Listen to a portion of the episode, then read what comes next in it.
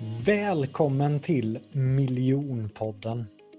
Det finns tusentals föreläsare, coacher, konsulter där ute, men bara ett fåtal kan faktiskt försörja sig på det. Så frågan är, vad är det de personerna gör annorlunda? Varför lyckas vissa personer som föreläsare eller coach och vissa misslyckas? Det jag vill beröra i den här podden, det är det affärsmässiga med att vara en föreläsare, coach eller frilansare.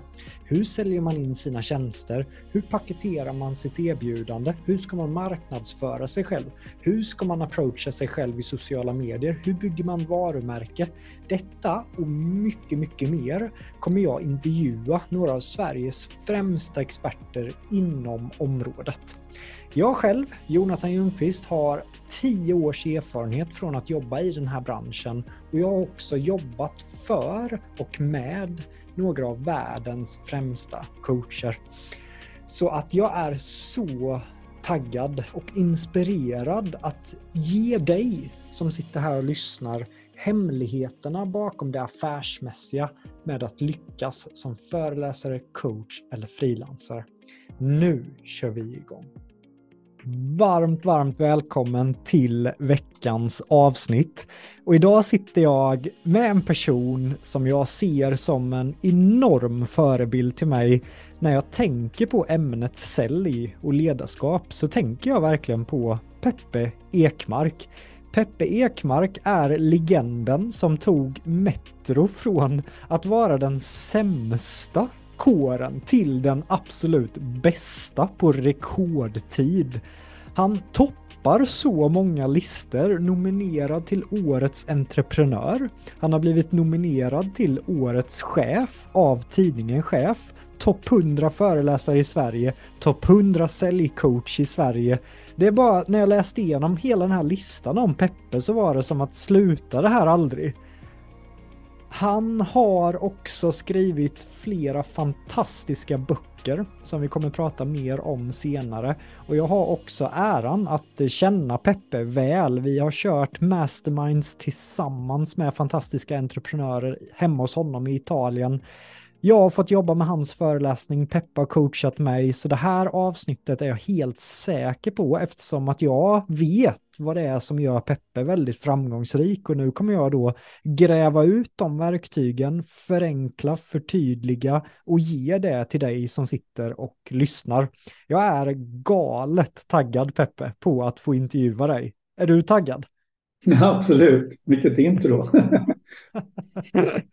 Vad känner du när du hör allt det här i ditt intro? Du måste ändå vara väldigt stolt över allt du har åstadkommit. Ja, faktum är att när vi läser upp allting så tänker jag, ja, det har faktiskt hänt en del saker. Och jag, jag tänker inte så, jag tänker hela tiden framåt, men jag blev väldigt glad när jag faktiskt hörde det du säger, att ja, jag har faktiskt gjort någonting i alla fall.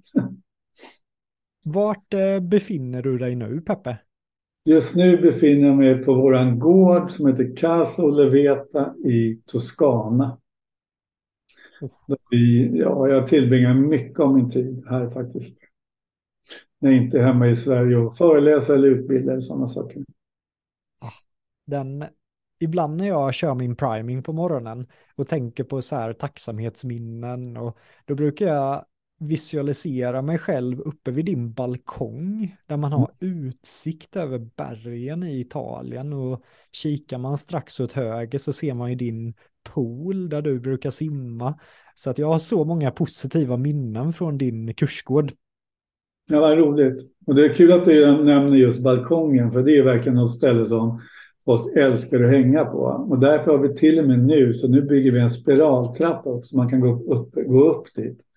Så när du kommer ner nästa gång så behöver vi inte gå igenom något sovrum för att komma dit. Ah, du tänker på allt och sen bygger ni en yogastudio ser jag också. Den är klar nu, nu håller vi på med massa saker. Ja, men vi vill ju, det, ju, det här gården är ju som i vilket företag som helst. Vi vill ju utveckla hela tiden så att alla som kommer hit varje år ska känna att wow, gud vad det har hänt mycket sedan jag var här sist. För det är lite kul faktiskt att folk kommer tillbaka om och om igen hela tiden. Verkligen. Det, jag följer dig ju konstant på sociala medier och det ser ut som att det verkar vara full, fullt ös i Italien med dina kurser. folk som vill bo där. Jag vet att det finns några luckor 2023.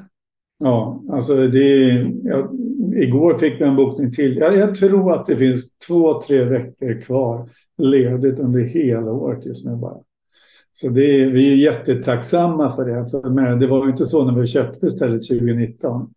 Då var det ju pandemi som kom, det hade vi inte räknat med. Så att vi sitter här idag nu och eh, har den beläggningen som vi faktiskt drömde om då. Det känns ju ännu mer magiskt med tanke på stålbadet som jag har gått igenom.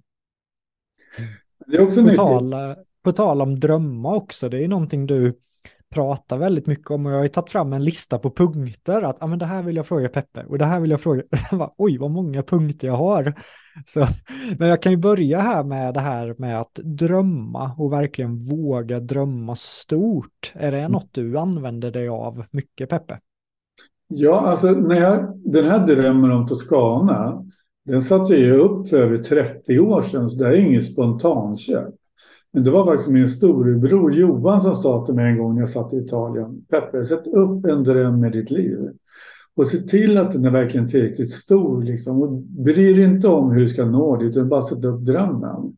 Och då skrev jag ner att jag ville bo i Toscana när jag blev äldre. Och eh, jag fattade inte själv hur jag skulle få råd med de pengarna. Jag var nyskild, hade ont om pengar och det var bara kaos i mitt liv.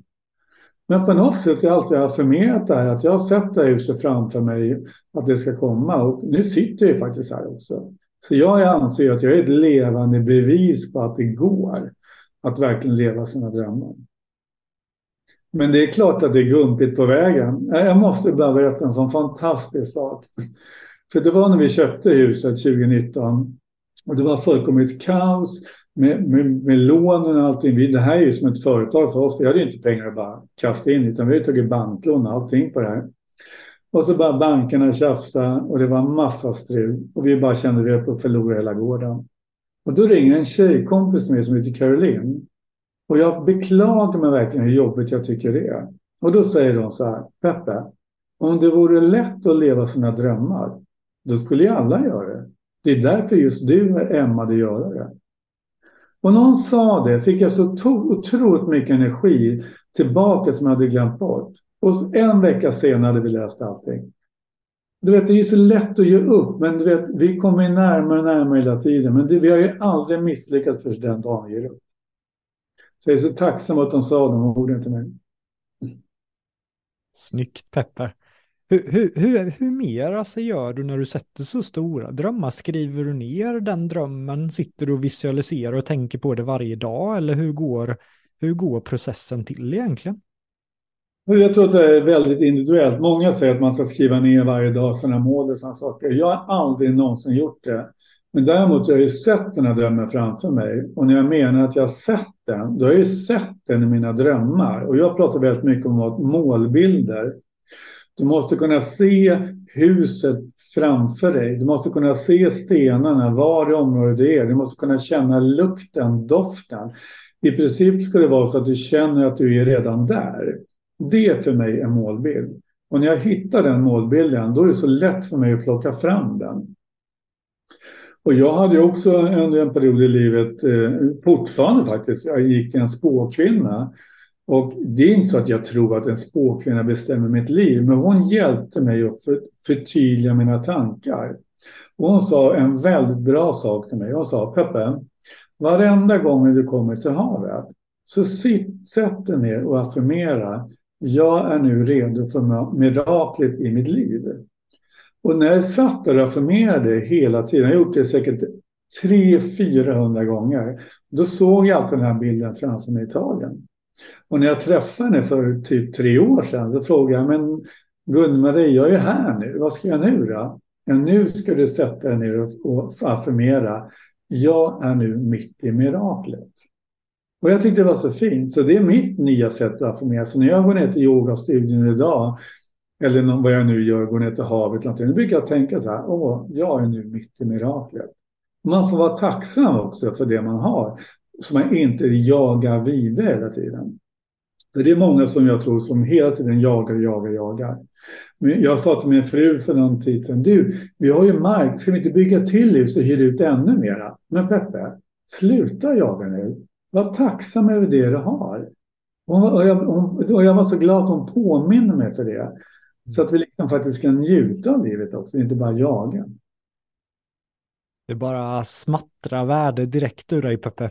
Jag gillar att du, att du touchar på de här värdena också. Jag, eh, jag gillar det när man kan stanna upp, inte hetsa för mycket, utan det är klart man kan växa, men man kan göra det i kontrollerad form och ändå uppskatta det man har. Ja, exakt. För många av mina kursdeltagare med föreläsare, coacher, konsulter, de, de, vissa sitter fast, de har målbilder, de har tankar att en dag ska de stå på scenen. Om du får säga en sak till dem för att tända deras dröm, vad skulle du säga då? Om, om drömmen att stå på scenen? Mm, att bli professionell föreläsare och coach och kunna leva på det. Ja, jag tror nummer ett att man inte ska titta så mycket på alla andra föreläsare och se vad de gör och se hur mycket de syns i sociala medier och sådana saker, utan bara fokusera på sin grej och vad man vill förmedla. Och verkligen se till att det man pratar om är trovärdigt och det är inspirerande och skapar nyfikenhet och faktiskt kan hjälpa andra människor. Det vill säga, du börjar utifrån dig själv och vad du vill förmedla. Det är som är klassiska också, de som startar företag för att de ska bli, tjäna massa pengar, de lyckas ju inte lika snabbt som de som startar företag för de vill förverkliga någonting och bygga någonting som de tror på. Och har man ett tillräckligt bra budskap så kommer ju sen framgångarna komma automatiskt. Och det som jag pratar om när jag pratar om försäljning också, utan det du pratar om, du ska ju hjälpa dina kunder, du ska hjälpa dina lyssnare att bli framgångsrika med ditt budskap. Och blir de det, då blir ju du det automatiskt. Och sen brukar jag också tänka på, det är klart att jag såg framför mig när jag stod på den stora scenen, att jag kunde måla upp en målbild när jag stod där på Rival eller som nu förra året när jag stod på Cirkus. Och det var också en sån grej. Jag satt ju själv och lyssnade på Kjell Enhagen för säkert 20-25 år sedan på Cirkus och var så fascinerad över att han kunde fylla Cirkus. Och där och då bestämde jag mig, jag mig för den drömmen att en dag ska jag stå på Cirkus. Så vad jag vill säga sammanfattar du frågar om. Måla upp en målbild var du står någon gång i framtiden. Och det behöver inte vara så att det måste vara 2023 eller 2024 utan bara att det finns där. Då kommer du komma dit. Mm. Klockren Peppe. En grej som du gör Inte. kopplat till, till drömmar och eh, målbilder det är att du ofta pratar om det högt. Så det är någonting jag snackar mycket om i, i min kurs. att du håller inte dina drömmar för dig själv utan där med cirkus. Du sa ju till mig under pandemin, Jonathan, jag ska fylla cirkus. Och jag tänker, det är en pandemi, varför ens fokuserar du på det, tänker jag. Men du pratar om det och på något sätt skapar ju det en form av press också på en till att faktiskt ta action och göra det. Jag håller inte med om att det blir en press utan jag, jag, jag såg några inlägg på LinkedIn någon gång som sa om du har en dröm, berätta inte för någon utan överraska dem. Och jag säger precis tvärtom. Berätta för alla dina drömmar och dina tankar. För då kommer ju universum, dina kollegor, vänner, hjälpa dig på vägen. Mm. Om jag är tyst för mig själv och ber inte berättar för någon om cirkus till exempel, hur skulle jag få den hjälp jag fick? Jag fick ju massa hjälp på vägen. Så, och det är ju samma sak med Toscana. Jag har berättat hur många gånger som helst om min dröm om Toscana. Och jag kommer aldrig glömma när vi flyttade in i huset och la ut det på sociala medier. Det var så otroligt roligt att läsa alla inlägg. Men gud Peppe, du har ju snackat om det här ditt liv. Det var en kompis, jag måste berätta det. Jag, jag hade en båt förut och då träffade vi en kompis på sjön ofta. Och en dag ringer han mig på våren och säger Peppe, eh, har du fått i båten i sjön än? Nej, jag har faktiskt sålt båten. Jaha, varför då? Jag förverkligar min dröm. Va? Har du köpt huset i Skana? Ja, klick. jag tycker den är, den är väldigt viktig tycker jag. Som sagt, att prata högt, håll det inte för en själv. Men jag tänker innan vi hoppar händelser in i förväg nu med cirkus och allting du har gjort nyligen så är jag en fråga som har varit väldigt uppskattad bland min följarskara är just ja, men hur startade allt Peppe? Hur, fick, hur, hur blev du en föreläsare på den nivån du är idag? Ja. Alltså du, du som känner mig, ni som känner mig, ni vet ju min historia. Jag var ju en väldigt blyg kille när jag var liten och hade jätteutmaningar med mina självförtroende och självkänsla. Men jag började en gång jobba på EMA Telstad, numera Live Nation. Och eh, jobbade som säljare där. Och sen en dag så ber chefen Staffan Hall mig och frågar om jag kan åka till Göteborg och föreläsa för reklamdagarna i Göteborg. För han kunde inte komma och då skulle jag föreläsa om det svenska musikundret. Och jag frågade Staffan, hur många är det som kommer dit? Ja, men det är inte mer än 350 personer. Och jag sa på en gång, Staffan, aldrig. Det finns inte på världskartan att jag kan stå på scen och prata inför alla. Och då sa Staffan, Peppe, det kan du. Du måste bara träna på det. Okej, okay, då kom vi överens om att jag fick, behövde inte göra någonting annat kommande vecka. Förutom att sätta mig i konferensrummet och träna. Och jag tror jag körde den där föreläsningen 200 gånger tills jag verkligen kände att jag kunde den utan till. Sen var det dags att åka ner till Göteborg och jag är skitnervös.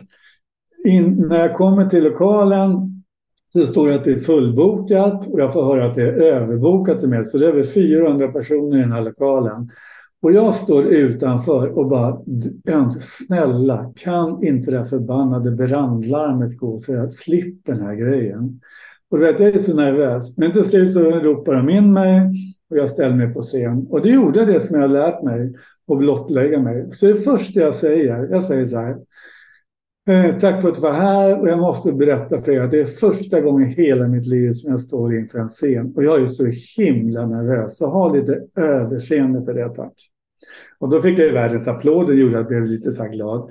Och sen körde jag och efter fem minuter, men jag kunde ju prestationen. Och jag kände mig väldigt trygg i den allting, körde på. Och efteråt kom det fram hur många människor sen, som helst och sa Peppe, vilken fantastisk föreläsning och vilken talare du är. Du har verkligen hittat någonting här. Och det var där jag insåg för första gången att jag skulle göra det. Och året efter så blev jag sen nominerad, för jag hade ju startat ett företag som hyr ut skoputsmaskiner och då blev jag nominerad till Årets entreprenör med det företaget, entreprenör.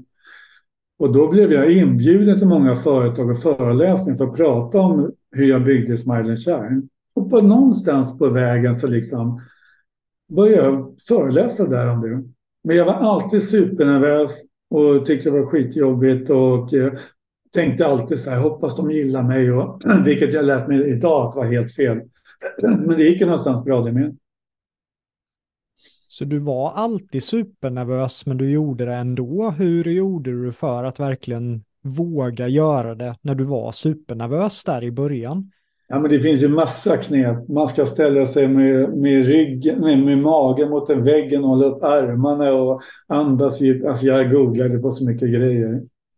Och sen, eh, du vet, jag kunde bli torr i munnen och jag kunde inte prata med någon innan. Och, ja, men du vet det här, nybörjargrejer. Men det, jag, jag tror det ingår. Men jag måste också berätta en sak, för jag kommer aldrig glömma. Jag tror att det var på Rival som jag klev upp på scenen. Och helt plötsligt, utanför ingenstans, så bara kände jag, men vänta nu, mitt budskap är större än mig själv. Jag behöver inte bry mig om vad de tycker. Och från den dagen så släppte all min nervositet. Och jag kände själv att jag blev ännu bättre talare. För jag kunde prata mer till publiken inte istället, och istället för att hoppas på att de gillade mig. Och jag kan lova en sak, den dag man verkligen släpper och att inte bryr sig om vad publiken tycker om den, då kommer det bli ännu mer autentisk. Det får ju bli en quote av dig Peppe. Den dagen du hittar en större mening i ditt budskap så släpper din nervositet. Peppe Ekmark. Ja. Det ser jag framför mig, en Instagram-post Peppe. Okay. men, men jag tänker där, du har gjort dina första föreläsningar, du får prata entreprenörskap. Eh, började du sen ta betalt eller hur, hur gick den processen i början? Nej, men det började med att eh, jag för mig att det var en kille som hette Patrik von Schenk som eh, faktiskt ringde mig. Han jobbade på eh, någon sån här startup på 2000-talet. Och så frågade mig, kan inte du komma och föreläsa lite om försäljning på vårt företag? Ja, absolut. Och hur mycket vill du ha för det? Vadå, får jag betalt för det? Ja, det är klart du ska ha betalt för det. Ja, men eh, vad vill du ge då? Ja, men du kan få 5 000 kronor. Ja, absolut. Så jag gick och föreläste, men jag hade ingen aning om jag skulle fakturera, för jag hade inget företag någonting. Men det var någonstans då jag, jag, jag registrerade en, egen, en enskild firma första gången. Men där, jag, har aldrig, jag har aldrig haft en dröm att föreläsa, utan eh, alla mina jobb som jag haft sen, så jag kommit dit och föreläst som en form av gör reklam eller sälja in det jag gör. På MTG till exempel när jag jobbade där så åkte jag runt och föreläste om OS tillsammans med OS, tidigare OS-medaljörer. Det var också en typ av föreläsning. Jag jobbade på ett företag som heter Pappeli som håller på med psykisk ohälsa. Och då föreläste om, om psykisk ohälsa så jag har alltid varit van på att stå på scenen. Men det var väl typ 2017, 2018 som jag hoppade av allting och började jobba på heltid med det här. Så jag har svårt att sätta en gräns. Jag, är liksom, jag har kört eget tidigare men alltid blivit anställd igen. För de har attraherat mig till att börja jobba där. Men nu sedan 2017 eller 2018 då kör jag helt och hållet själv. Och nu lever jag på det här så att säga. Så egentligen är du ju, man kan ju säga att du har föreläst i flera decennier på ett sätt. Ja. Kopplat till olika, jag var ju anställd av Försvarsmakten innan som föreläsare. Men jag så. gjorde ju ungefär samma sak då som jag gör nu till exempel. Det är ju en fantastiskt bra mängdträning om man kan få till det när man är anställd, att man faktiskt får göra saker som man tänker att man kan göra sen i sitt företag. Ja, men det är ju magiskt. Snacka om uh, bästa träningen. Men sen är det ju så när du själv hoppar av och du ska leva på det, då skärper du till det på ett helt annat sätt också. Men jag anlitade Sveriges bästa coach, Jonathan, när jag skulle börja om mina föreläsningar och det var ju en enorm skillnad.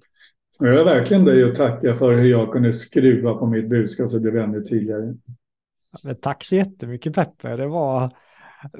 Hur, hur var våran första? Jag för mig att jag ringde dig långt innan det och skulle pitcha in något tv-projekt till dig. Ja. Vad var på... det för någonting? Du höll på, det var något coachingprogram när man skulle ta massa människor uppe i fjällen och man skulle få dem att samarbeta tillsammans. Och det var ju på den tiden på TV3 då när vi jag ville vara med och hitta nya program för vi tappade tittare och sådana saker och så ville jag tänka mycket regionalt. Och jag kommer ihåg att du ringde. Men sen, ditt och mitt första möte, det var nog på Hooks herrgård när jag var där på ett annat möte. Och du hälsade på mig, kom in och frågade om du fick pitcha en grej på mig. Och då körde du, jag kommer inte ihåg vad det hette, men det är det du gör. Och eh, jag var helt blown away. Det här var ju skitbra. Vad, vad kallade du det för? Jag körde den här eh, paketeringen med dig, va? Paketeringsövningen.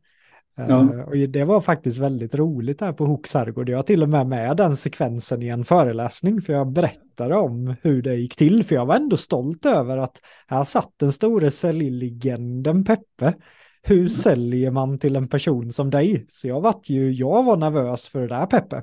Ja. Vad, vad var det jag gjorde där som fick dig att känna, jo men det här vill jag gå vidare med?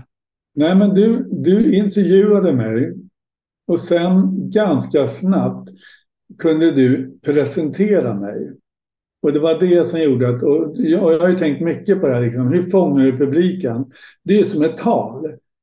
Om du håller ett tal, om du börjar med något riktigt, riktigt spännande och överraskande och har en riktigt bra avslutning så behöver inte alltid vara perfekt hela vägen. Men början och slutet ska eh, få kunden och publiken luta sig framåt. Och du fick mig ju verkligen inse hur viktigt introt var.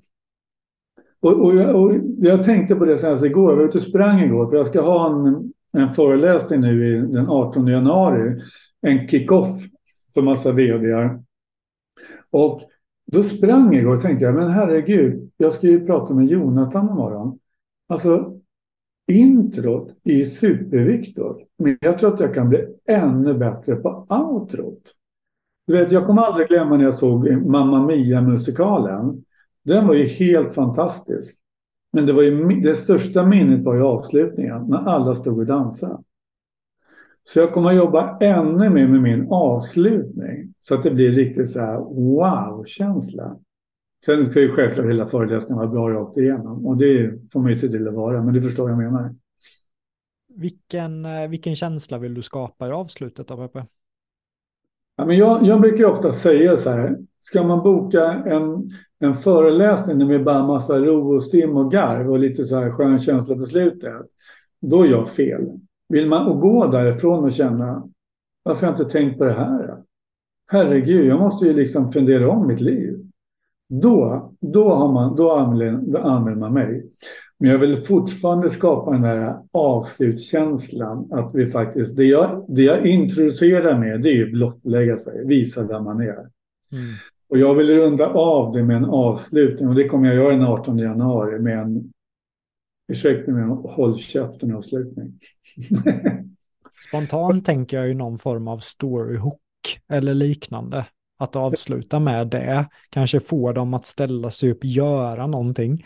Men det där får vi snacka mer om Peppe. Men jag tänker din inledning tycker jag att vi fick till riktigt bra för ledare. Kan inte du dra den bara supersnabbt det här med hur många är ledare? Ja, precis. Hur många, är, hur många är ni ledare när jag kör en föreläsning? Ja, hur många vill bli ledare? Och det är några som räcker upp handen. Jaha, hur många är det som har barn här inne? Eh, då räcker massor upp. Aha, är inte det också en typ av ledarskap? Och vad är då en, vikt, en ledares viktigaste roll? Eh, förlåt, den brukar också säga så här. Hur många är upplevt riktigt dåligt ledarskap? Och då räcker alla upp handen. Hur många har upplevt bra ledarskap? Det räcker upp färre upp handen också. Alltså, och ni vet ju alla skillnaden. Vad är då en ledares viktigaste roll? Och sen kan man ju gå vidare också. Och där, då, då märker jag att folk blir nyfikna.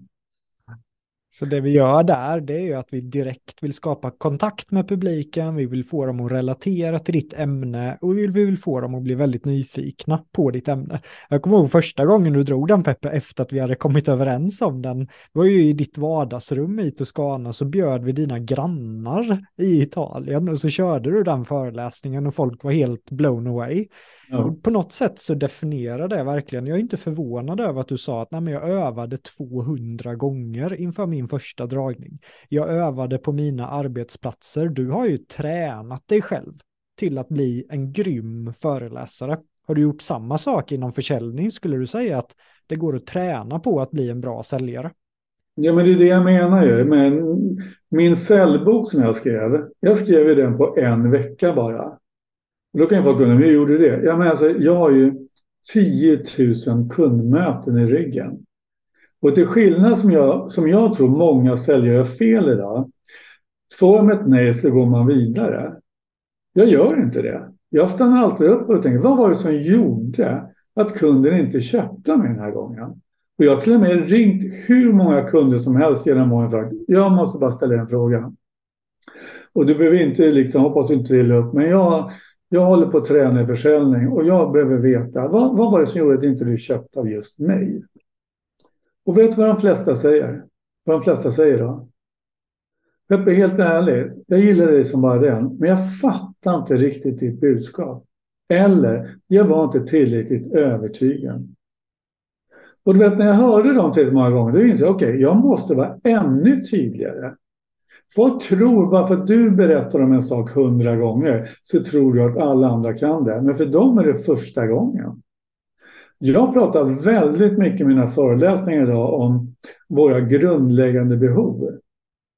När jag hörde det första gången av min mentor så tog inte jag åt mig det. För jag var inte mottaglig för den saken. Men när jag hade hört det av honom fem, sex gånger, då trillade paletten ner. Och du börjar fatta att det här handlar om försäljning också. Om jag ska jag kör ju väldigt mycket säljutbildningar och jag tittar på materialet och tittar på presentationerna och jag säger på en gång, det enda du pratar om det är du själv och ditt företag och vad produkten eh, kan göra. Men du pratar ju ingenting om vinsten, vad kunden kommer att tjäna på det. Du förklarar inte hur det ska, kunden ska gå tillväga för att tjäna på det. Och sen har du ju definitivt inte tränat på invändningar. Jo, det har jag. Ja, men varför har du inte tagit upp alla invändningar? Alltså, vet, det finns så mycket och saker att lära sig. Och jag säger så här. Jag börjar läsa en massa cellböcker och jag tycker de flesta cellböcker böcker krånglar till det för mycket. Använd sunt förnuft. Jag har ju skrivit mina tio steg. Och det första som jag alltid säger det är vinsten för kunden. Varför kommer kunden tjäna på att träffa dig? Om du inte kan svara på det, då ska du inte ens lyfta luren tycker jag. Och sen när väl har gjort det och träffat kunden och du vet det här med första mötet med kunden som alla glömmer bort. Alltså första mötet med kunden, det är där det avgör. Om inte kunden gillar dig så kommer inte kunden köpa av dig. Om du inte jobbar på Systembolaget. Men om kunden däremot gillar dig och verkligen gillar dig, då kommer kunden göra allt för att vilja köpa av dig. Även om det är både dyrare och det är kanske mer eh, eh komplext. För kunden gillar dig. Så egentligen handlar det egentligen om hur får du dina kunder att tycka om dig? Och det hoppar de flesta över. Och det gäller även med föreläsningar också. Du måste ju få kunden att gilla dig. Det är därför jag kör min story. Du vet ju min blottläggningsstory. Och innan är det så här, vad är det för skallig kille, kaxig stockholmare? Men efter 20 minuter, du ser ju verkligen folk liksom bara, gud vilken kille. Och då om, jag paus, om jag pausar dig här lite Peppe, bara så att alla, för jag vet ju vad du pratar om nu när du säger blottläggning, men för vissa hör det här första gången och det här kan ju verkligen förändra folks liv och karriärer, så jag vill verkligen att alla ska förstå det här nu då. Är det okej okay, Peppe? Absolut. Så när du säger blottläggning för att få någon att tycka om dig i ett möte, vad menar du med det specifikt? Ja, men alltså blottläggning, om du, om du sitter på ett företag till exempel och blir ledare, då är det väldigt viktigt att du visar vem du är så folk får tillit till dig. If people like you, they will listen to you. If they trust you, they will do business. Hänger ni med? Så enda sättet är, hur får vi folk att lita på mig? Jo, och enda sättet att folk ska lita på mig, det är att jag visar vem jag är till 100 procent. Och då måste ju då, vem, men, du vet när man har första mötet med en kund eller en föreläsning. Jaha, vem är den där killen då? Vad, är, vad står han för? Vad har han för värderingar? Vad är hans företag? Förstår du? Det finns ju tusentals frågor som dyker upp. Hur ska jag kunna veta om jag kan lita på den här människan? Och då finns det ju massor av knep som jag jobbar med i mina utbildningar som du ganska snabbt kan få kunden att börja tycka om dig. Och det handlar framförallt om att du måste öppna upp dig från början. Som jag gjorde första gången jag föreläste i Göteborg. Jag är skitnervös. Det är första gången i mitt liv jag står här på scenen. Men hur många hade gjort det? Många går upp och försöker vara lite kaxig och så bara står man och skakar. Så, så, du måste, så fort det är någonting nytt så visa det. Men när jag föreläste på engelska första gången, det var samma sak. När jag kommer hem och fått en förfrågan på talarforum, kan du föreläsa på engelska? Absolut, säger jag kom hem till min familj och bara, jag ska föreläsa på engelska. Men gud, du är ju dum i huvudet Petter. Du, du är ju värdelös på föreläsa på engelska. Du, du kommer att förstöra din karriär. Jag bara, vad är det där för skitsnack? Så jag tackar ja och tränar precis som du säger. Jag, håller, jag översätter min föreläsning på engelska. Jag står och tränar säkert hundra gånger.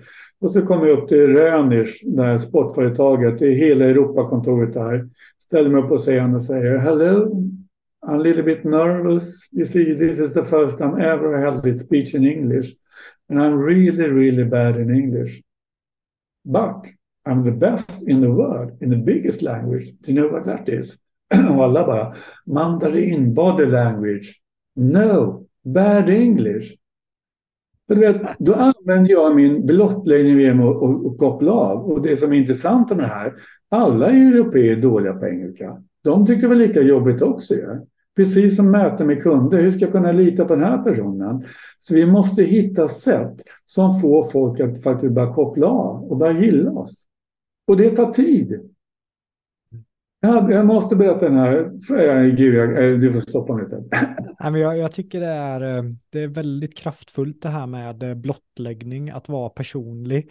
Dels i försäljning, men det blir ju också situationsanpassat Peppe kan jag ändå tänka mig. För ibland kanske man har då världens pitch, du har fem minuter på dig och istället då för att kanske ta de fem minuterna och berätta att man är nervös, kanske man ska gå pang på kritan, så det blir väl ändå situationsanpassat, eller hur, hur känner du där? Jo, men jag, det här med pitcher, jag, jag, faktum är att jag inte gått igång så mycket på pitcher. Det är, folk säger så här, du får fem minuter på dig, ja, men då tackar jag hellre nej. Jag, jag är inte intresserad av sådana saker. För med, du kan inte avgöra på fem minuter vad som är bra och dåligt. Och det är ju så här med affärsidéer som man har. 5% är ju idén. 95% är ju genomförandet och människa bakom. Om du då ska pitcha en idé på fem minuter, du vet ju ingenting mer om det där. Det är klart att du kan göra det som du gör. Liksom. Jag, kan hjälpa, jag kan hjälpa dig och öka omsättningen med 25 procent på ditt bolag. Det är min pitch. Och det kan jag garantera till 100 procent. Under förutsättning att du gör det vi tillsammans kommer överens om. Hänger du med? Mm. Det är min pitch. Men då, då, det är ju som du jobbar mycket. Jag vill ju bara få att folk ska bli, lyssna, vilja lyssna mer. Mm. Sen måste jag börja berätta. Men innan jag berättar det så vill jag att vi ska lära känna varandra lite bättre. Snyggt. Och, den, och den med pandemin var jätteintressant. Många sa att Gud, det är så himla svårt att eh, lära känna varandra nu när man kör digitalt. Jag älskade det. Jaha, var sitter du någonstans? Nej, jag sitter på landet. Jaha, var då någonstans? Nej, jag har ett landställe på Blide. Men gud vad kul! Känner du Bengt Löv som också har landställe där? Nej, var bor de någonstans? de bor vid södra, här bor norra. Hasa. hur kommer det sig att du bor där? Nej, det är mina föräldrars landställe. Jaha, är de uppväxta där? Hör vad mycket man kan lära sig. Och jag kör ju det här och sen själv sitter jag faktiskt och skanar. Va? Hur kommer det sig? Ja, och så berättar jag min dröm. Och så efter 40 minuter känner man ju varandra. Det är inte svårt. Och det är på riktigt äkta, det är genuint. Jag gillar det Peppe. Och det här kan man ju använda i livet också. Jag skulle ha en eh, middag med några grabbpolare och de flesta var, hade blivit eh, farsor, liksom nyblivna föräldrar. Mm. Och eh, men första minuterna, för det gick snabbt innan jag tog till blottläggning, för jag tänkte att nej, men det här måste vi bli mer äkta. Och det var som att det var, fanns en stolthet i att alla var trötta och slitna. Eh, men ingen sa någonting. Och sen så sa jag att eh, Ah, oh, fy fan vad jag har sovit dåligt i natt alltså. Det var ingen bra natt. Eh, jag känner mig trött, eh, blev nedspydd i morse och ja, är det någon annan som har haft det lite kämpigt på senaste? Och, när jag sa det så var det som att folk bara slappnade av och det blev så här, åh vad skönt att någon är öppen och ärlig hur det är. Och vi kunde prata om det, vi kunde skratta åt det och det blev så mycket bättre kemi. Så det här med blottläggning gillar jag att faktiskt göra även utanför entreprenörskap och sälj för att också bygga tajtare relationer. Ja, man använder det jämt med kompisar, med, med möten. Jag, jag kommer ihåg att träffa en kompis till mig, vi kollade på en fotbollsmatch och hade han med sig en arbetskollega. Vi satt och snackade lite eh, och jag frågade var hon bodde någonstans. Jag är nyfiken. Ja, jag bor där med mina barn och så bara, jaha, du är skild? Ja, precis. Jaha, okej. Hur, när skilde du då? Ja, det var för två år sedan. Ja, känns det bra liksom? Ja, absolut. Och sen så var jag med med det. Sen i pausen kom hon fram till mig och sa, du, eh, varför frågar du om jag var skild för? Nej, jag var bara nyfiken, tog det lugnt. Nej, absolut inte, men det är ingen som frågar sådana saker. Alltså jag, jag, det finns ingen baktanke, jag är bara genuint nyfiken. Och det var ju det som jag lärde mig. Jag, du vet ju att jag gick den här kursen när jag själv mådde väldigt dåligt i mitt liv. Och det var ju där jag lärde mig med blottläggningen. När jag börjar berätta vem jag själv är, sen berättar alla andra om sina utmaningar. Och det var ju där då jag förstod att alla vi människor har saker i bagaget. Saker som hindrar oss från att leva livet fullt ut.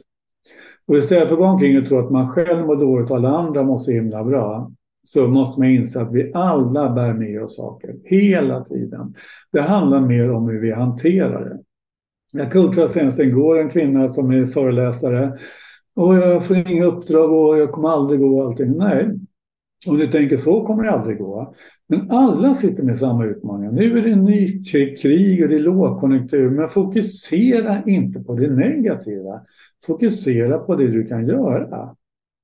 Och, det, och jag brukar säga så här, ring till dina gamla kollegor, dina gamla kunder, fråga om du kan göra någonting för dem. Och redan i morse fick hon ett sms. Tack, jag fick ett uppdrag på en gång.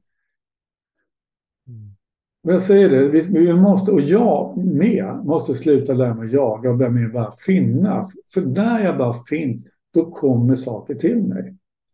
Vet, ingen vill jobba med någon person som bara jagar, jagar, jagar hela tiden. Eller hur? Mm. Nej, men jag håller med.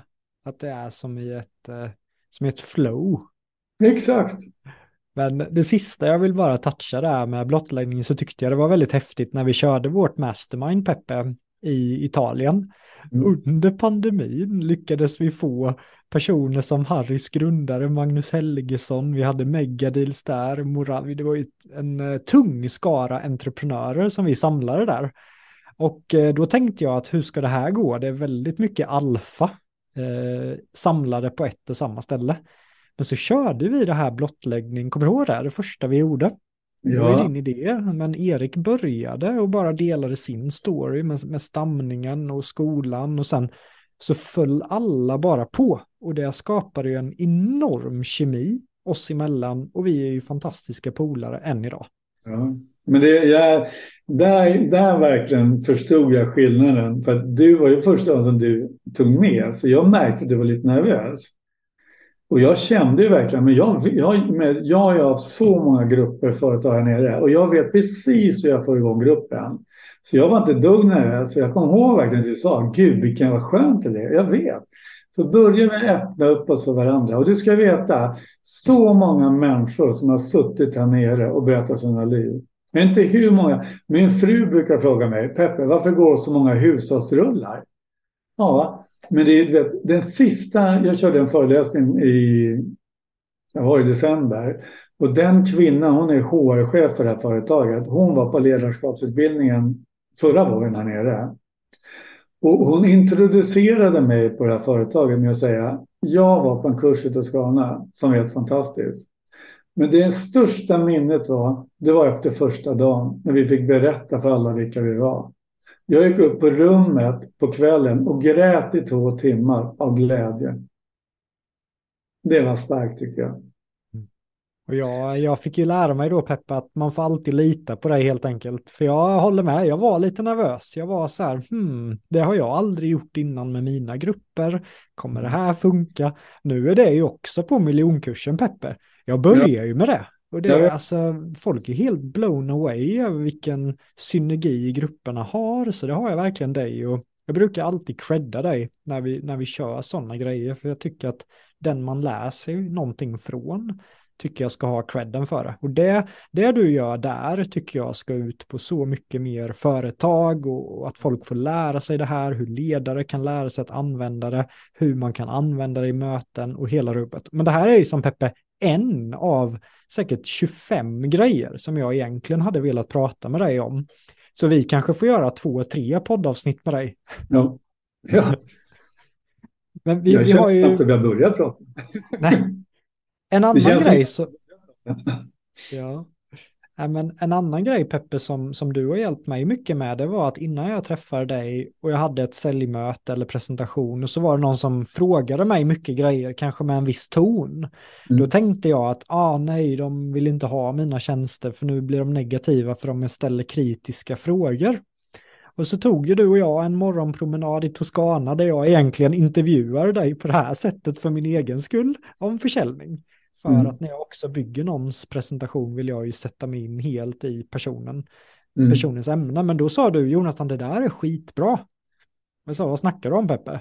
Jo, men desto mer frågor kunden ställer, det är ju köpsignaler. Mm. Så desto mer frågor, desto bättre. Och det mm. blev en game changer för mig, för att varenda gång det händer nu så hör jag din röst i mitt huvud att bra, köpsignal, köpsignal, köpsignal. Och då blev det helt plötsligt positivt. Ja. Så den har gjort oerhört stor skillnad för mig. Vad är din takeaway på det här Peppe och hur kan man jobba med frågor på det här sättet? Nej, men det, är, det är kopplat till invändningar också. Jag brukar säga så här. Om du ska göra ett prov innan, nationella provet och så dagen innan får du alla frågorna. Vad gör du då? Ja, det är självklart att du börjar plugga svaren, eller hur? Mm.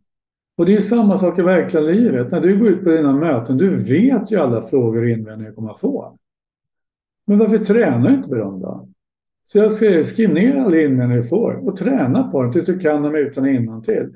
Och inse att den, den vanligaste invändningen är att det är för dyrt. Men vad kunden egentligen säger, varför kostar det som det gör? Men de flesta säljare drar ner brallorna och ger massa rabatter. När kunden egentligen frågar varför kostar det som det gör? Och så bara med rabatt. Jaha, det var inte så bra, eller hur? Så man måste läsa sig hantera invändningarna. Och, och det är ju så här, när de flesta som går mina säljutbildningar, de säger, alltså förutom det med blottläggning som vi pratar om, för det är någon, man blir kompisar för livet. Det är just det med invändningar. Att jag inte fattar att det var den bästa köpsignalen, precis som du säger. Och de kunderna som frågar mest och är jobbigast är, det är de som är mest intresserade. De vill ju veta mer. Så jag håller med dig. Vi tränar för lite på sälj. Och den, det med invändningar går ju då helt hand i hand med det du sa att om du eh, inte vinner en affär så ringer du och frågar varför köpte du inte? Då får ju du då invändningen där och då kan du sen träna på att möta den invändningen så att den blir ännu starkare i nästa samtal. Exakt. Varenda affär, varenda kundbesök som du gör kan du lära dig någonting av om du bara inser det. Och inte bara springa vidare, för då har du ju verkligen kastat bort allting så att säga. Det var ju också efter att jag lärde känna dig Peppe, som jag faktiskt började inse att jag fick ju ofta att nära vänner till mig hörde av sig bara, ja ah, men Jonathan, brorsan, kan jag inte få din kurs gratis? Vi känner ju varandra. Och i mm. början innan jag lärde känna dig så var det som att, jo men absolut brorsan, hoppa in bara. Men de fick ofta sämre resultat för att de hade ju inte investerat någonting och då var det som att, nej men jag orkar inte komma på torsdagskvällen eller det här. Så att nu är det snarare, även om det är någon av mina absolut närmsta polare, så säger jag det att ja men bra, men för din egen, för din egen skull så vill jag ändå att du betalar, för att om du inte gör det så är oddsen jättelåga att du kommer lyckas. Det här har skett så många gånger för mig nu att jag har gett saker gratis. Och om man får någonting gratis så värderas det inte på samma sätt, man tar inte action och då slösar du din tid, så det är bättre att du ger mig 17 000 det kommer mm. hålla dig ansvarig till att komma på torsdagar, göra läxorna, så att vi ändå kan ta dig till drömmen, för det är det som är målet. Jag kan bara hjälpa dig om du är committad och om du inte betalar så är du inte committad. Mm. Var det ett bra invändning, Peppe? Ja, men jag tycker det är fantastiskt. Du har den bästa och du har ju tränat på den. För du visste precis vad det handlade om. Du är helt rätt, du svarar på det.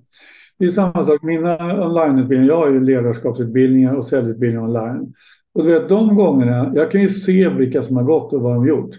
De som har fått dem gratis, mm. ingen har gjort dem. De som betalt för dem, alla har gjort dem. Och jag säger det igen alltså, alla vill bli bättre på ledarskap och på försäljning. Och jag säger just ledarskap, det kommer verkligen behövas träning på det nu.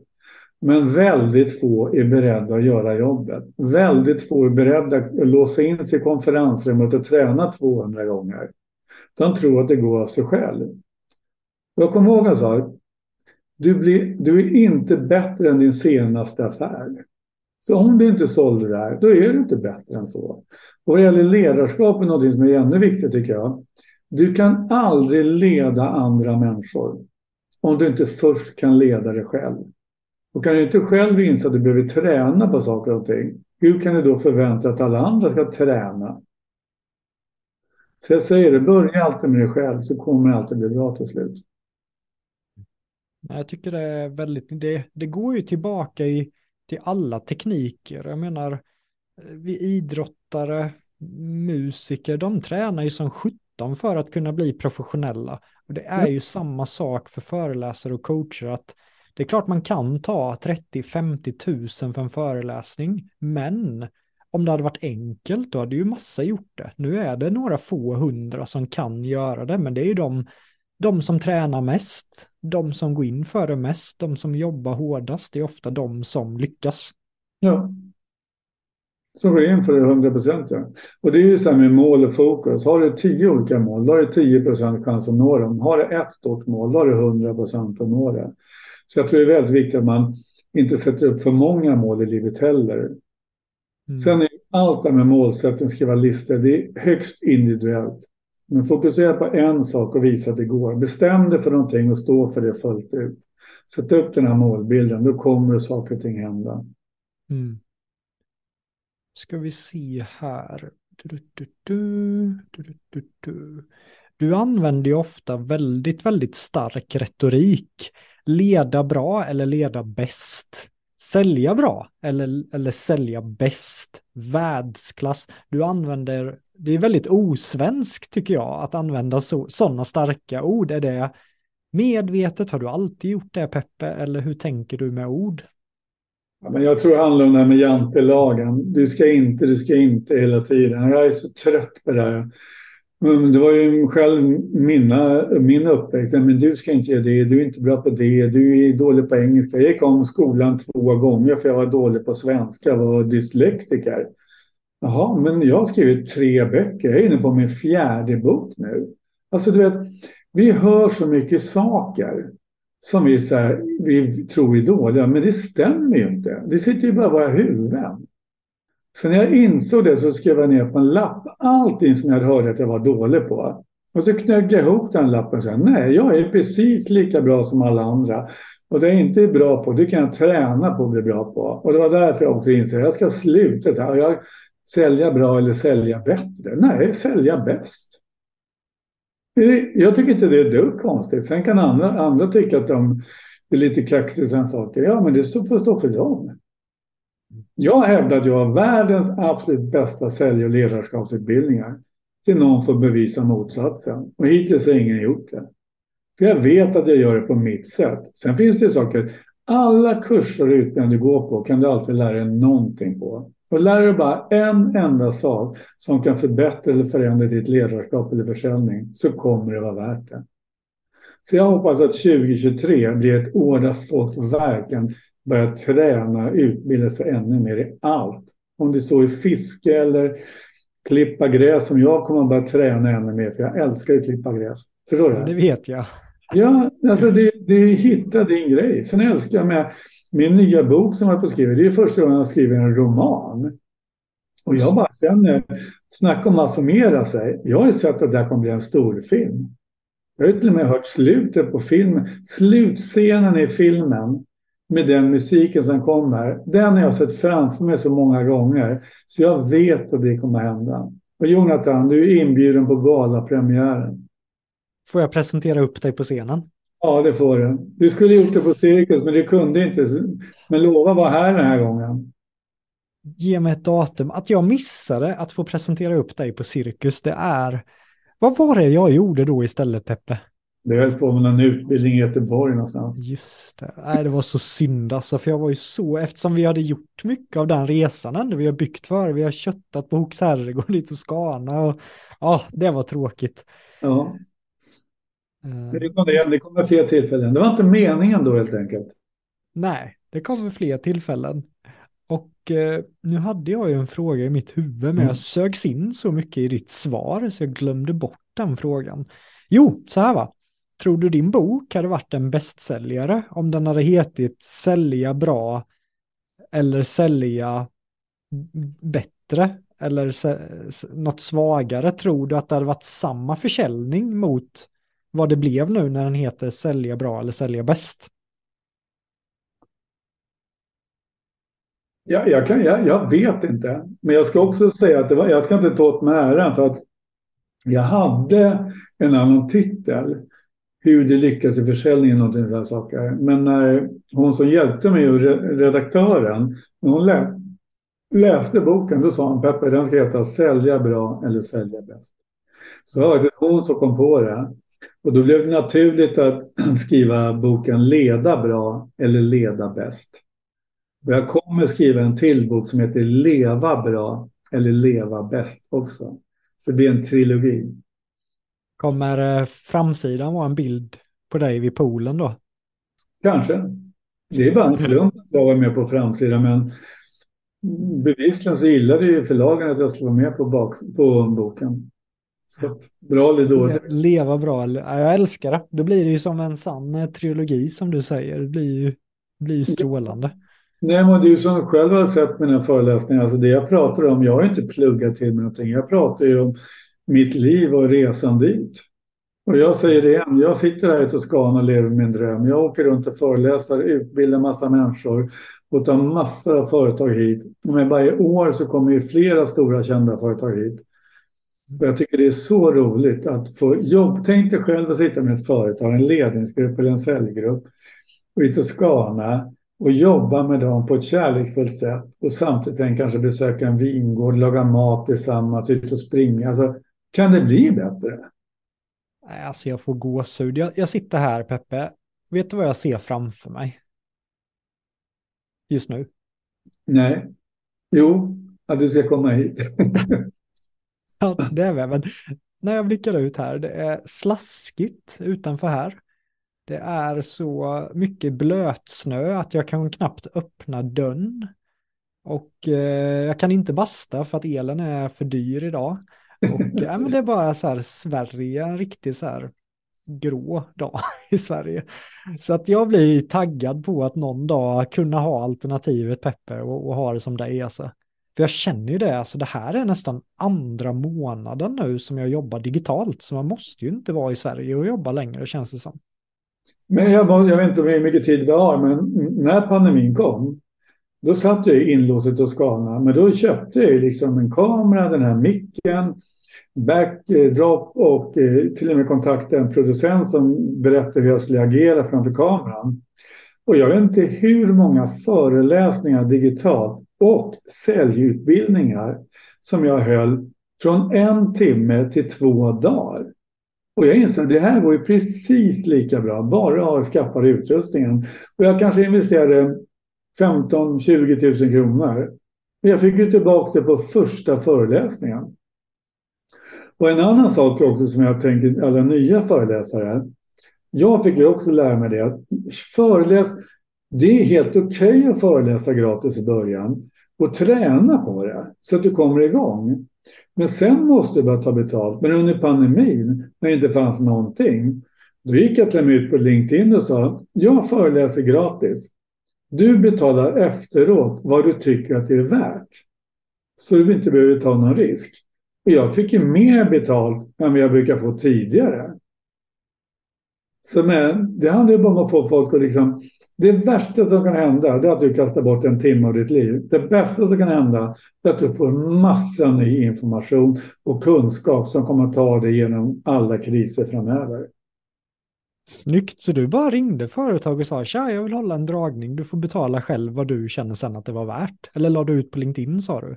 Ja, men jag ringde, både på LinkedIn så ringde jag också till eh, min lista så att säga.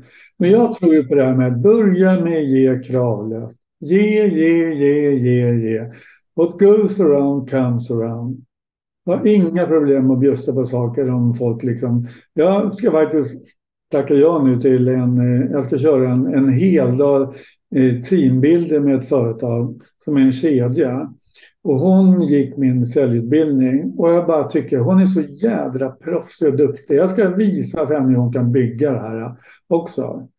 Och jag, jag gör det för att jag tycker det är så otroligt roligt. Och helt ärligt, jag älskar att föreläsa och utbilda. Och hade jag miljoner på kontot hade jag gjort det gratis. Men tyvärr så måste även jag betala mina räkningar. Så jag måste ju få in pengar. Men det är ju det som är det viktiga, att man verkligen älskar det man gör. Mm, det märker man att du gör. Var det någon gång det hände att de inte betalade någonting när du gjorde så? Nej, aldrig hänt. Snyggt. Det tror jag faktiskt många, dels nya men också erfarna föreläsare och coacher kan, kan testa det sättet. För det har jag inte hört någon annan prata om. Ja, men det var ju lite där med, du vet, Laura Pausini-historien med skivbolaget. Ja, men alltså, ni får betala per kron per skiva vi säljer. Jag älskar sådana saker, du vet när kunder är osäkra. Men låt oss testa tillsammans. Jag tror det är därför jag nästan stänger alla affärer jag får. För jag hittar ju andra sätt som får kunden att köpa. Och ibland måste, det bästa är om kunden köper på prislista, men det händer nästan aldrig. Och då kan man ju börja fundera på, okay, vad finns det för annat sätt vi kan hitta samarbete? Och det är klart att om, om kunden är orolig, då kan jag bevisa genom att visa att jag själv riskerar saker så att jag tror på det. Och då blir kunden också ännu mer intresserad. Mm. Så man, man får vara kreativ och inte ha en helt fast väg framåt i mötet helt enkelt. Nej, men jag börjar komma dit också. Jag skulle kunna ringa till företag och prata med några ledarskapsutbildningar eller säljutbildningar för företag. Jag skulle kunna ringa till ett företag och säga du, jag bjuder er på ett helt års säljutbildning. Vi börjar med två dagar där vi verkligen, eh, verkligen går på djupet med vad utmaningar är.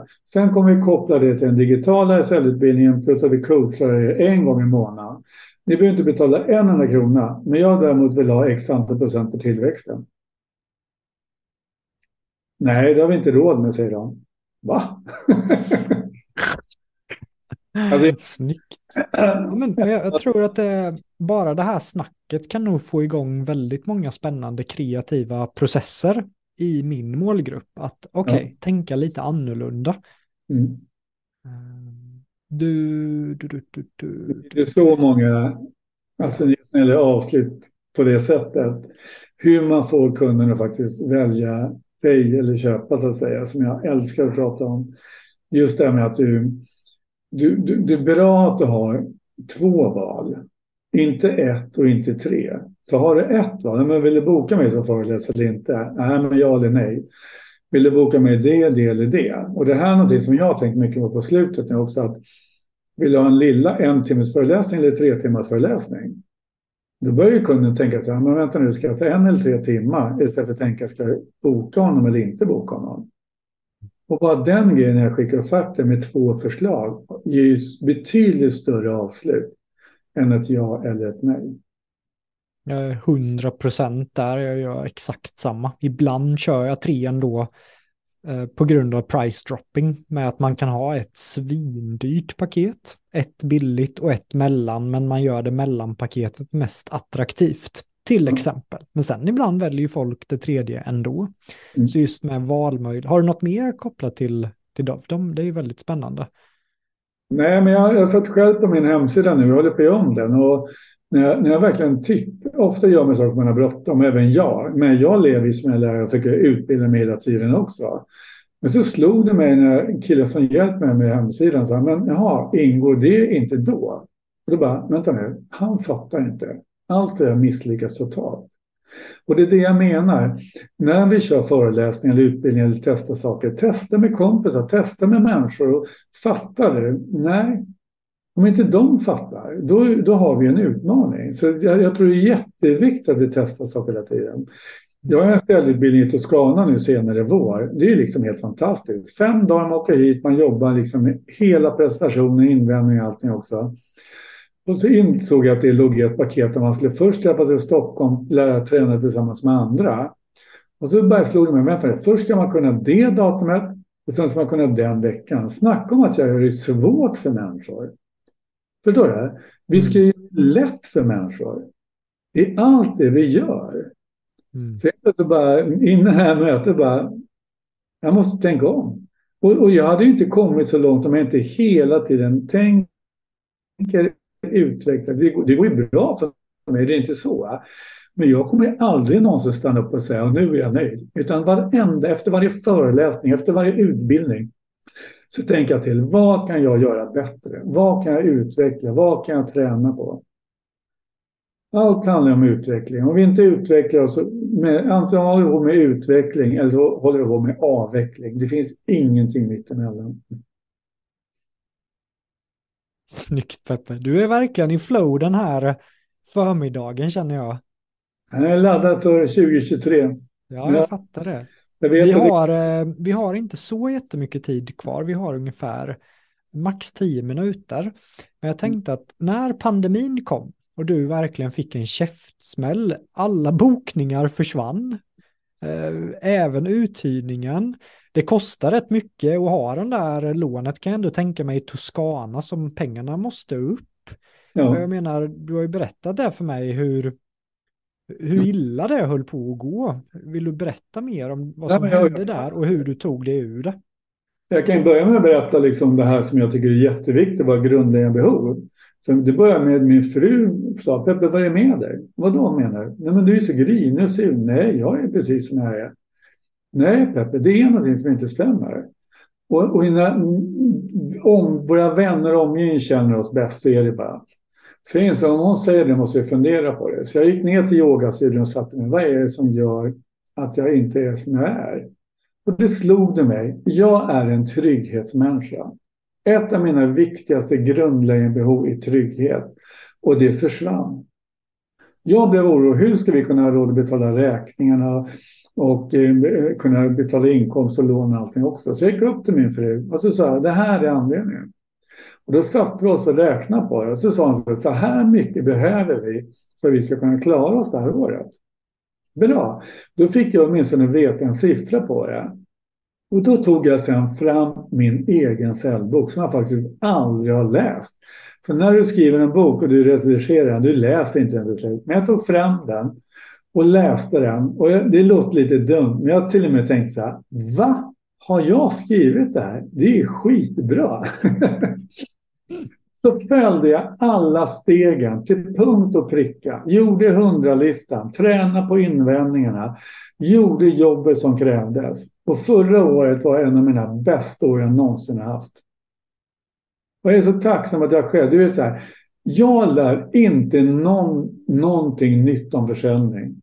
Däremot så påminner jag alla vad som måste göras för att du ska skapa affärer. För att du ska kunna hitta nya föreläsningar och vad du än håller på med. Och det är jag jävligt bra på att lära ut. Med tanke på Jante. Helt rätt. Så förra året var ett rekordår. Vad var det som funkade allra bäst kopplat till att få affärer? Jag vet att du hade några som hjälpte dig med försäljning. Jag har sett att du är aktiv på LinkedIn. Du har lite funnels. Framförallt är det aktivt med på sociala medier. Och att jag hela tiden jobbar med min hundralista. Jag har kunder som jag håller kontakt med regelbundet. Det vill säga, en kund ringde och sa, jag är ledsen Peppe, vi har bokat eh, en annan föreläsare den här gången. Då tänker jag, yes, då håller han fortfarande på att boka föreläsare, det kommer jag nästa gång. Vet, vi har aldrig misslyckats den dagen vi ger upp när det gäller försäljning också. Det är bara ödmjuk, snäll, ha massa prospects ute hela tiden och bara du vet, börja, börja liksom, ja men fan det får du på andra priset liksom. Ja men då, då, då har jag tappat bort mig själv. Jag vet att de kommer att komma förr eller senare om jag bara fortsätter vara generös och snäll och allting. Och då säger folk så här, ja men det har inte tid med. Ja men du har faktiskt inte tid att inte göra det. För om du börjar med nu och tänker så här, de här kunderna kommer jag få inom ett år. Inte imorgon och inte om en månad. Då kommer de komma inom ett år. För då kommer du agera utifrån det. Du kommer vara generös, ringa från, du kan hjälpa till med någonting. Det var precis det jag gjorde. Och sen när det väl kommer igång, du vet så här, när du börjar få affärer, då kommer det fler affärer automatiskt. Det bara är så. Och tittar jag på kursgården nu, den är ju magiskt bokad. Så det är ju fantastiskt roligt och det ger ju mig den här trygghetsmänniskan. Då vet jag att okej, okay, men då har jag ekonomi, trygghet det här året. Så kan jag fokusera ännu mer på liksom utveckla mina utbildningar, skriva klart min sista bok. Och jag räknar med att boken ska också bygga mitt varumärke. Så att, eh, det gäller liksom, jag tror inte det är en grej, men alltså synas, finnas, vara med i den här podden. Jag hoppas och tror att den kommer ge en kraft också, förstår du, gensvar också. Mm. Men det handlar ju då, det jag hör är ju egentligen att du säger att man gör jobbet. Exakt, ge inte upp, fortsätta. I min podd så har jag ju pratat mycket om min eh, hobby paddelkarriär, men jag har en person som jag aldrig har slått. Han heter Mats Pettersson. Han eh, var före detta svensk mästare i kickboxning, om jag inte säger helt fel. Det kan varit någon annan kampsport, men otroligt driven person. Eh, aldrig vunnit mot han. Han slår mig ungefär med 6-0, 6-1, 6-0 varenda match. Och han blir förbannad om jag tar minsta lilla poäng så blir han verkligen kasta racket, skriker på sig själv. Gör jobbet Mats! Tro inte att du kan slappna av, gör jobb. Han, hela tiden säger han det till sig själv, gör jobbet fram på nät. Han slaktar mig ju. Ja. Så, så ibland när jag känner så här, jag orkar inte ringa, jag orkar inte ta mötet, jag skickar dem på någon annan, så hör jag ju hans röst ibland i huvudet, gör jobbet. Och det hör jag ju att du också gör. Du är med i poddar, du är med på sociala medier, du riggar upp utrustning, du kör event, du kör vissa gratisgrejer. Du gör jobbet helt enkelt och du tränar så att du kan göra jobbet med väldigt hög kvalitet som sen ger ringar på vattnet. Ja, jag bara vill runda av där. Jag körde ett företag med en kompis för massa år sedan och vi hade värsta utmaningarna. Det var kaos och massa saker. Men han sa en så bra sak. Peppe, nu tar vi en kaffe och så kavlar upp ärmarna och så kör vi på. Sitta och analysera, det är bara, nej men fortsätt framåt. Och jag älskar det uttrycket liksom. Det bästa, fortsätt, för det bästa i livet har inte hänt än som Håkan Hellström, Hellström sjöng och när han var i Ullevi. Fortsätt, för det bästa livet har inte hänt än. Det är mitt mantra. Ja, men det är bara att köra på, fortsätt. Det kommer hända magiska saker så länge du bara fortsätter. Men stannar du upp och ger upp och ger upp dina drömmar, ja då har du förlorat.